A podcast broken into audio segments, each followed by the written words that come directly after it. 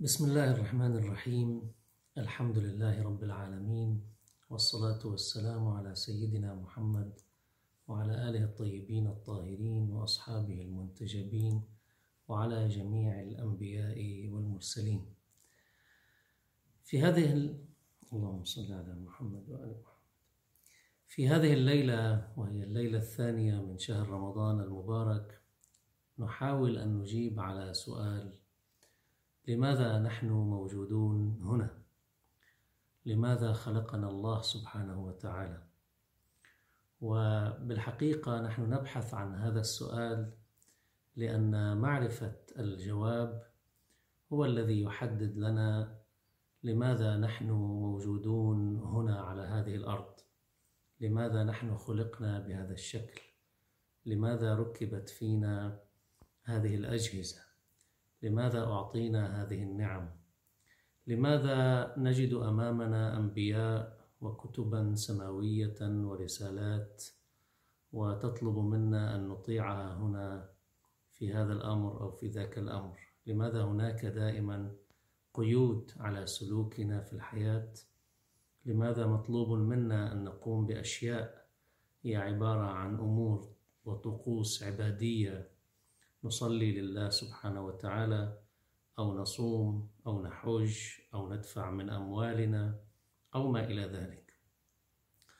باختصار الجواب على هذا السؤال هو الذي يحدد وظيفتنا في هذه الحياة وهو, وهو الذي يحدد لنا مسؤوليتنا في هذه الحياة وبتعبير آخر التحديد الجواب على هذا السؤال الأساسي والمحوري وهو من الأسئلة الوجودية الكبرى التي يسألها الإنسان بمجرد أن يصبح واعيا لوجوده في الحياة يسأل أنا ما هي لماذا أنا موجود هنا؟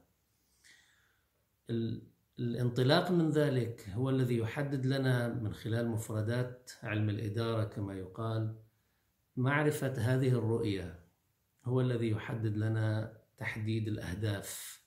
هو الذي يحدد لنا الأهداف التي سنسعى إليها في الحياة. هو الذي يحدد لنا الاستراتيجيات التي يمكن أن نتبعها في الوصول إلى هذه الأهداف. هو الذي يحدد لنا ما الذي سنقوم به في كل يوم وما الذي سنعمله عندما نستيقظ في الصباح وعندما تواجهنا قضية هنا أو قضية هناك. عندما نذهب إلى أعمالنا أو عندما نقيم علاقات فيما بيننا هو الذي يحدد لنا هذا الجواب هو الذي يحدد لنا ما هي الأعمال التي سنقوم بها لأننا نسعى إلى أهداف تحقق هذه الرؤية أو هذا الجواب. أيضا ما هي الأولويات التي نسعى إليها في الحياة؟ هل الأولوية لحياتنا الدنيا بمعناها المادي بحيث يكون الأساس في وجودنا هو اللذة بأن نرتشف من هذه الدنيا في كل صباح ومساء ونعب من لذاتها وشهواتها وغرائزها أو أن المطلوب أيضا بالوجهة المقابلة المطلوب هو أن نجلس ونتعبد لله سبحانه وتعالى أو نصلي أو نصوم طوال الدهر أو ما إلى ذلك كما صنع مجموعة من العباد أو بعض الاتجاهات الصوفية التي كرست نفسها لهذا اللون من الطقوس. ما هي الأولويات في الحياة؟ هل لهذا أو لذاك؟ إذا نحن عندما نسأل السؤال ونجيب عليه فنحن نحدد الأجوبة على كل ذلك. وعندئذ نحدد نوعية الحياة التي سنحياها. ولذلك هذا السؤال مهم وأيضا معرفة الإجابة أيضا مهمة جدا. وتحديد مصدر هذه الإجابة أيضا نقطة من الأهمية الكبيرة بمكان تجعلنا نذهب مباشرة إلى الله سبحانه وتعالى لأنه الذي خلقنا وهو الذي يرشدنا ويقول لنا ويجيبنا عما في نفسه لأننا نحن لا نعلم ما في نفس الله سبحانه وتعالى. الله يجيبنا عما في نفسه الله يجيبنا عن السبب الذي من أجله خلق الإنسان في هذه الحياة. هناك آية في سورة الذاريات الآية 56 من سورة الذاريات تجيب على هذا السؤال. يقول الله سبحانه وتعالى وما خلقت الجن والإنس إلا ليعبدون. واضح بأن هذه الآية هي تجيب على هذا السؤال. لكن فهمنا لهذه الآية فهمنا لهذه الآية بشكل عميق فهمنا لهذه الآية من خلال طرح الأسئلة عليها. هو الذي فعلا يعرفنا الإجابة الدقيقة على الموضوع لأنه في كثير من الأحيان قد نكتفي ببعد من أبعاد الإجابة لكن في الحقيقة الأبعاد الأخرى نهملها وبالتالي يكون جوابنا ناقصا وبالتالي تكون كل هذه الأمور التي تحدثنا عنها المترتبة على هذا الجواز أي الجواب أيضا مجتزأة وناقصة. الإجابة الفعلية في هذه الآية الكريمة تتمحور حول قوله تعالى ليعبدون. وما خلقت الجن والإنس إلا ليعبدون. إذا هناك غاية من الخلق هناك هدف من الخلق وهذا الهدف من الخلق هو العبادة. ما هو المقصود بقوله ليعبدون؟ هل المقصود بأنه يعبدون يعني يقيمون الطقوس العبادية بحيث يجلس الإنسان ويصلي؟ هذه الصلاة هي المقصودة ليعبدون. هل المقصود هو الصوم؟ هل المقصود هو الحج هل المقصود كل هذه العبادات التي تزخر بها الشرائع السماوية ككل والإسلام بشكل خاص؟ وبالتالي يمكن أن يقول قائل بأن المقصود هو العبادات. يعبدون يعني هذه العبادات. طبعا تسمية هذه الأفعال بالعبادات هي تسمية فقهيا متأخرة بمعنى الله أمرنا بالصلاة أمرنا بالصيام. وعندما أمرنا بالصلاة قال لنا لماذا أمرنا بالصلاة. وعندما أمرنا بالصيام قال لنا لماذا أمرنا بالصيام. إن الصلاة أقم الصلاة إن الصلاة تنهى عن الفحشاء والمنكر. إذا أيضا العبادة لها هدف. وليست العبادة في حد ذاتها مطلوبة. عندما قال لنا صوموا قال لنا يا أيها الذين آمنوا كتب عليكم الصيام كما كتب على الذين من قبلكم لعلكم تتقون. هناك تقوى إذا نحصلها. هناك تطهر ذاتي بالزكاة بدفع المال للفقير واليتيم والمسكين. هناك نوع من إخراج هذا اللون من البخل النفسي الذي ربما يرهق نفوسنا من الداخل. إذا العبادة العبادات نفسها هي لها أهداف وبالتالي لا يمكن أن يكون المقصود فقط بقوله ليعبدون هو أن الإنسان آه الذي يقوم بالعبادة آه هو آه يحقق هذه الآية ويحقق سبب وجوده على هذه الأرض. بتعبير آخر إذا قلنا بأن المقصود بالآية ليعبدون يعني ليقيموا العبادات يصبح هؤلاء الذين كانوا في أزمنة سابقة ولا يزال بعضهم موجودا الآن يمارسون هذا اللون من تكريس أنفسهم للعبادة ينذرون أنفسهم للعبادة يتركون الدنيا يتركون ملذات الدنيا شهواتها غرائزها لا يأكلون جيدا إلا بعض أحيانا بعضهم يأكل الطعام غير الشهي لكي لا يلتذ بالمأكل. بعضهم يشرب الماء الذي له طعم ربما غير مستساغ لكي لا يستلذ بالماء. لا يقبل على الملذات التي يقبل عليها الناس الآخرون. ونعبر عن هؤلاء دائما بأنهم الزهاد في الحياة الدنيا. هل هؤلاء الذين جلسوا في الصل... لأجل الصلاة في المسجد وقضوا نهارهم في الصيام لم يذهبوا إلى عمل لم يتزوجوا لم يقيموا علاقات مع الناس لم يساهموا في الشأن العام في كثير من القضايا هل هؤلاء هم الذين يحققون هذا المعنى الذي قصدته هذه الآية. في يوم من الأيام لكي نؤكد أيضا أن المعنى هو أعمق من ذلك جاء بعض الأشخاص إلى رسول الله صلى الله عليه وسلم. فعليا جاءوا إلى بيت النبي صلى الله عليه وآله وسألوا بعض أزواجه عن عبادة النبي. كيف يعبد الله؟ قديش يعني؟ كم يقضي من الوقت مثلا في الليل؟ طبعا النبي هو الشخصية الأولى الإيمانية. هناك أمور غائبة عن هؤلاء لأنه يمارسها النبي في داخل بيته. كيف هي حياته؟ كيف هي عباداته؟ في داخل في في الليل هل يقضي كل الليل؟ هل يصوم كل يوم مثلا أو ما أشبه ذلك؟ فأخبرته هذا يعني إحدى زوجاته أخبرته عن ذلك وقالت له أنه يصلي بهذه الطريقة يصوم إلى آخره. حصلوا على الجواب وكأنهم شعروا بانه يعني هذه العبادة قليلة إنه النبي معقول يعني هو النبي صلى الله عليه وسلم رسول الله رحمة للعالمين وعباداته قليلة بهذا المستوى ولذلك بدأوا يعرضون هم ما عندهم. قال أحدهم أما أنا فأصلي طوال الليل من دون انقطاع. يعني كل ليلة يكرر الموضوع. فإذا هو يصلي يقوم الليل دائما الشخص الثاني قال أما أنا فأصوم كل يوم ولا أفطر أبدا. إلا طبعا بالعيدين يعني يحرم الصيام لكن هو كرس نفسه للصيام أبد الدهر. الشخص الثالث قال أما أنا فلا أتزوج. يعني بمعنى اللذات الشهوات الجنسية أنا ما لي علاقة فيها. وبالتالي أنا عازف عن كل هذه الملذات على رأسها هذه اللذة التي فطر الله سبحانه وتعالى الناس عليها. النبي قال آه، قال لهم أنه أنتم مشتبهين. شايفين الموضوع غلط وفهمانين القصة غلط. أما أنا أما أما إني لأخشاكم لله سبحانه وتعالى. أنا أكثر واحد تقي. أنا أكثر واحد قريب إلى الله سبحانه وتعالى. أنا أكثر واحد يخشى الله سبحانه وتعالى. ومع ذلك أنا أصل أصوم وأفطر. يعني ما بصوم كل يوم. أنا أصوم وأفطر. وأنا أصلي وأرقد. أنا بصلي بالليل وبنام. بريح جسدي كذلك. وآتي النساء كذلك. أنا عندي حاجات بيولوجية طبيعية فأنا أيضا أقوم بالإقبال على هذه الملذات. طبعا الأساس أنه كلها الله سبحانه وتعالى أباحها للإنسان فإذا أنا أخذ بهذه الساعة للحياة أخذ بحاجات الروح وأخذ بحاجات الجسد. رواية أخرى أيضا عن النبي عيسى عليه السلام يقال أنه جاء ورأى رجلا يتعبد قال له شو عم تعمل؟ ماذا تصنع؟ قال أتعبد؟ يعني هذا قاعد مكرس حاله وعم بيصلي وعم بيصوم وإلى آخره. قال من يعولك؟ مين بيجيب لك أكل؟ مين بيجيب لك شرب؟ مين بيخدمك قال أخي. فقال له النبي عيسى عليه السلام أخوك أعبد منك. أخوك أعبد منك. بمعنى أن الذي يقوم بإعالة الأخ هذا يمارس نوع من العبادة. إذا هذا اللون من العبادة يختلف عن العبادة الطقوسية التي فهمها هذا الإنسان واعتبر بأنه موجود في هذه الحياة لأجل العبادة. عندنا في الروايات ركعتان يصليهما عالم.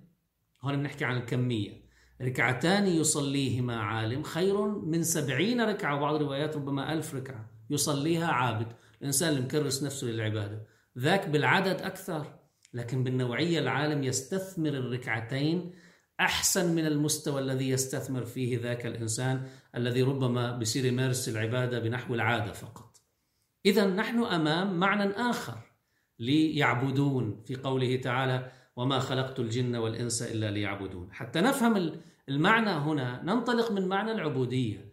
المعنى العميق لهذه الآية هو أنني خلقت الناس لكي يجسدوا معنى العبودية في حياتهم. لكي تطابق إرادتهم وحركتهم في الحياة في كل مجالات الحياة إرادة الله سبحانه وتعالى لا إرادة غيره. شرع الله لا شرع غيره. أوامر الله لا أوامر غيره. نواهي الله لا نواهي غير غيره. ما يرضي الله لا ما يرضي غيره. اذا نحن أمام معنى عميق يتسع لكل الحياة. هو تعبير آخر عن كلمة التوحيد عندما نقول لا إله إلا الله ماذا يعني ذلك؟ يعني بأنه ليس هناك من إله أخضع له إرادتي في الحياة سوى الله سبحانه وتعالى. إذا أقرباء قرابتي ليست أعز عندي من الله. إرادتي لا تنحني لقرابتي إلا أن تكون قرابتي في خط رضوان الله سبحانه وتعالى. الزوج مع زوجته الزوجة مع زوجها الإنسان مع أولاده. بعض الروايات في التاريخ تحدثنا عن أنه بعض الصحابة ضلوا بعد ما إجا بعض أولادهم لأنه عاطفيا أثر على ابنه مشي وراه فعصى الله سبحانه وتعالى لأجل ولده. والله بيقول أن من أزواجكم وأولادكم عدوا لكم فاحذروهم. بمعنى آخر في كل مجالات الحياة بالحياة الأسرية بالحياة العملية بالعمل بالتجارة بالسياسة بالاقتصاد بالأمن بالعلاقات الاجتماعية. كل ذلك هناك ما يرضي الله سبحانه وتعالى وهناك ما يسخط الله عز وجل. أن لا يكون هناك إله إلا الله يعني ليس هناك من خط نسلكه إلا خط رضوان الله خط رضوان الله سبحانه وتعالى. أن يكون الإنسان باختصار عبدا لله يعني مطيعا لله لا يملك مع أمر الله شيء. مثل ما بنقول له لله سبحانه وتعالى بسورة الفاتحة إياك نعبد. يعني نعبدك ولا نعبد غيرك. هذا هو الأساس في العبادة. طيب. إذا كن إذا كنا أمام هذا المعنى العميق بمعنى أن يتطابق وجودنا في الحياة مع إرادة الله عز وجل. وهذا الأمر الله أراده منا بإرادتنا. يعني الله كان فيه يخلقنا مبرمجين كالملائكة لا يعصون الله ما أمرهم ويفعلون ما يؤمرون. كان في برمجنا بهالشكل عندنا سلوك واحد نسلكه وعندنا خيار واحد. ما عندنا خيارين عندنا خياران الخير والشر العدل والظلم الحق والباطل الصدق والكذب أمانة وخيانة. ما عندنا هالثنائيات مش موجودة. كان في الله يخلقنا بمسار واحد. لكن الله شاء أن أن يكون وجودنا في الحياة تطابق إرادتنا بالحياة مع إرادة الله عز وجل. وهذا هو الذي يحقق المعنى العميق لارتقائنا في الحياة. شغلنا لحتى نحقق إرادة الله سبحانه وتعالى هو الذي يرفع من مستوى إنسانيتنا. وغير هيك لا يخفض من مستوى إنسانيتنا. تطابق حياتنا مع إرادة الله عز وجل مع رضا الله عز وجل يحتاج منا إلى أمرين أساسيين.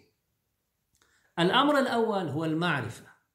لا يمكن لي أن أطابق إرادتي مع إرادة الله من دون أن أعرف ماذا يريد الله عز وجل. وبالتالي أن نعرف ماذا يريد الله منا في حياتنا الفردية أن نعرف ماذا يريد الله منا في حياتنا الاجتماعية في علاقة الزوج بزوجته في علاقة الزوجة بزوجها في علاقة الولد بأبويه بأقربائه في علاقة الجار بجاره في علاقة علاقات العمل في قلب التجارة والصناعة وما إلى ذلك. في السياسة أيضا هناك ما يرضي الله عز وجل وما يريد الله عز وجل وما يسخط الله عز وجل. في الاقتصاد هناك ما يرضاه الله وما وما لا يرضاه الله عز وجل. إذا في كل مجالات الحياة لابد أن نعرف ما الذي يرضي الله وما الذي يغضب الله. ما الذي يريده الله عز وجل وما الذي لا يريده الله. انطلاقا من ذلك هذه المعرفة نحتاج إلى أمرين أيضا أساسيين. أو بالأحرى نحتاج إلى أمر متفرع في اتجاهين. نحتاج مع المعرفة نحتاج إلى تدريب. المعرفة وحدها ما بتكفي. المعرفة تحتاج دائما إلى تدريب بمعنى أن نقوم بأداء ما نعرفه. أن نطابق فعليا سلوكيا إرادتنا مع إرادة الله عز وجل. وهذا التدريب يقوم على أمرين أساسيين. أو خلينا نقول يقوم على استراتيجيتين. هون بلشنا نحكي عن تحديد الاستراتيجيات في الوصول إلى الأهداف. إذا نحن بحاجة إلى معرفة ونحن بحاجة إلى تدريب. التدريب يقوم على استراتيجي استراتيجيتين. الاستراتيجية الأولى هي العبادات.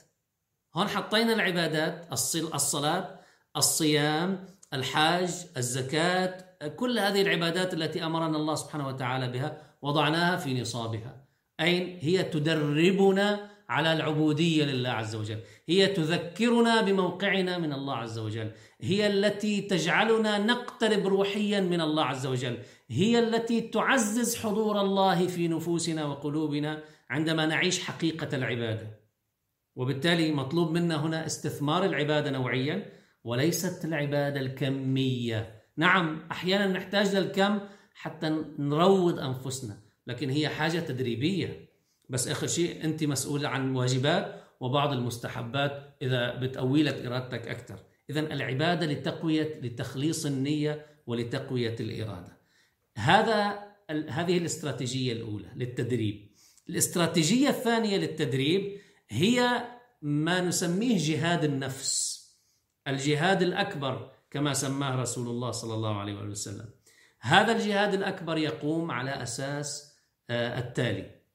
بمعنى لما نواجه بالحياة نحن دائما أمام خيارين.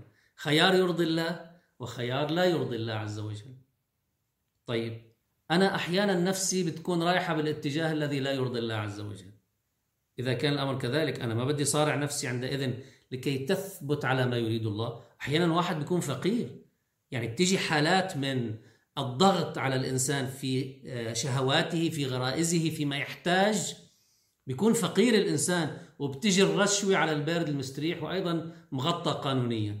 بياخدها ولا ما بياخدها؟ عندما يعرف الإنسان المؤمن أن هذه حرام ما بياخدها. لما بيجي الإنسان قادر على الظلم وهو مأمون من العقاب في الدنيا ومع ذلك لا يظلم لأن الله لا يرضى له أن يظلم. الإنسان عندما يكون في موقع سياسي ولا يشن حربا على على الآخرين الأبرياء بس الحرب التي شرعت للدفاع عن النفس لا يشن حربا على الآخرين لا يعتدي على الآخرين لا يستخدم قوته في سبيل قهر الآخرين وظلم الآخرين وسفك الدماء والإفساد في الأرض. هون بيكون أمام أحيانا أنت عندك قوة بتشعر حالك أنه أنت مالك كل شيء تستطيع أن تقوم بأي شيء. وبالتالي الاستكبار الآن أحيانا تهواه النفس هاي الأنانية تهواها النفس. فإذا بدك تصارع نفسك بهذا المستوى. ما يعينك على صراع النفس هو العبادة من جهة وأن تدرب نفسك على أن لا تنزلق إلى ما يغضب الله عز وجل أن تجاهد نفسك في هذا المجال. هذا هو الذي يحقق لنا بالنتيجة العبودية الحقيقية لله. وبالتالي إذا بدنا نلخص وما خلقت الجن والإنس إلا ليعبدون يعني وما خلقت الجن والإنس إلا ليجعلوا هناك تطابقا في حياتهم الداخلية وحياتهم الخارجية السلوكية العملية في كل مجالات الحياة مع ما يرضي الله عز وجل. هذا هو المعنى العميق وهذا أمر كبير. وبالتالي نفهم عندئذ بأن العبادة التي هي الطقوس آه، هي جزء من الاستراتيجيات الأساسية المطلوبة لأجل تحصيل هذه الغاية الوجودية الكبرى. وعندئذ يكون الطريق أمامنا واضحا تكون الأهداف واضحة تكون الاستراتيجيات واضحة تكون الأولويات أيضا واضحة وبالتالي آه، ننطلق نحو ما يرضي الله عز وجل لنصل في نهاية المطاف إلى جنته إلى رضوانه إلى القرب منه. هذا تمام ما يمكن أن آه، نشير إليه في معنى هذه الآية المباركة التي هي من الآيات الأساسية التي نحتاج إلى فهمها في حياتنا. الآن آه، فقط الملخص الصغير باللغة الإنجليزية Uh, the question, the main question is that we, we are going to um, uh, we are going to discuss tonight is why are we here? Allah subhanahu wa ta'ala answers this questions this question and say Allah subhanahu wa ta'ala says وَمَا خَلَقْتُ الْجِنَّ وَالْإِنسَ إِلَّا لِيَعْبُدُونَ And I did not create the jinn and the human beings except to worship me or except to serve me. So, what actually we ask another question here why do we seek answers for this question? Because answering this question will provide us with insight to three directions or to three uh, main things. First, why why we are present on this earth. Secondly, what is our duty? Third, thirdly, direction. We, we know that our directions or our goals, our strategies, our methods, our priorities in this life. In one word, the kind of life that we must live.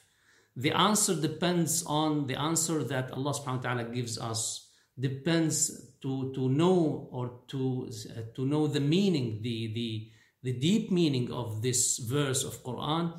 This the answer here depends on the definition of ya'budun or liya'budun. Does it mean religious practice? If so, then these people or those people will be the ones who will give up their materialistic lives completely and dedicate all their time to prayers, fasting, and indulging in other religious practices.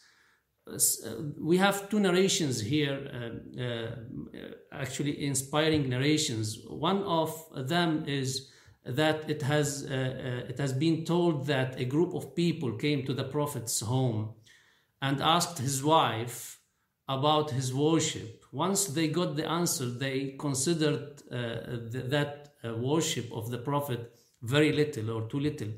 one person said, "I pray throughout the entire." night without stopping. Another said, I fast every day. The third one said, I don't get married or I don't uh, have my uh, pleasure or uh, materialistic pleasure here. Um, of course, he is, uh, he is talking about the sexual relationship. The Prophet uh, وسلم, said, I'm the most pious among you, and despite that, I fast, but not every day. I pray and I rest, and I have my needs of materialistic pleasures. Another narration from uh, Sayyid al-Masih Isa alayhi salam. It has been told that Jesus saw a man and asked him, what is he doing? The man answered, I'm worshipping most of my time. Uh, Jesus asked him, who supports you? So the man replied, my brother. In turn, Isa alayhi salam said, Your brother is better worshipper than you are. So worshipping has a deeper meaning, which is manifestation of worship in daily living. In other terms, no God but Allah, La ilaha illallah, to be exclusively sub- submissive to Allah subhanahu wa ta'ala.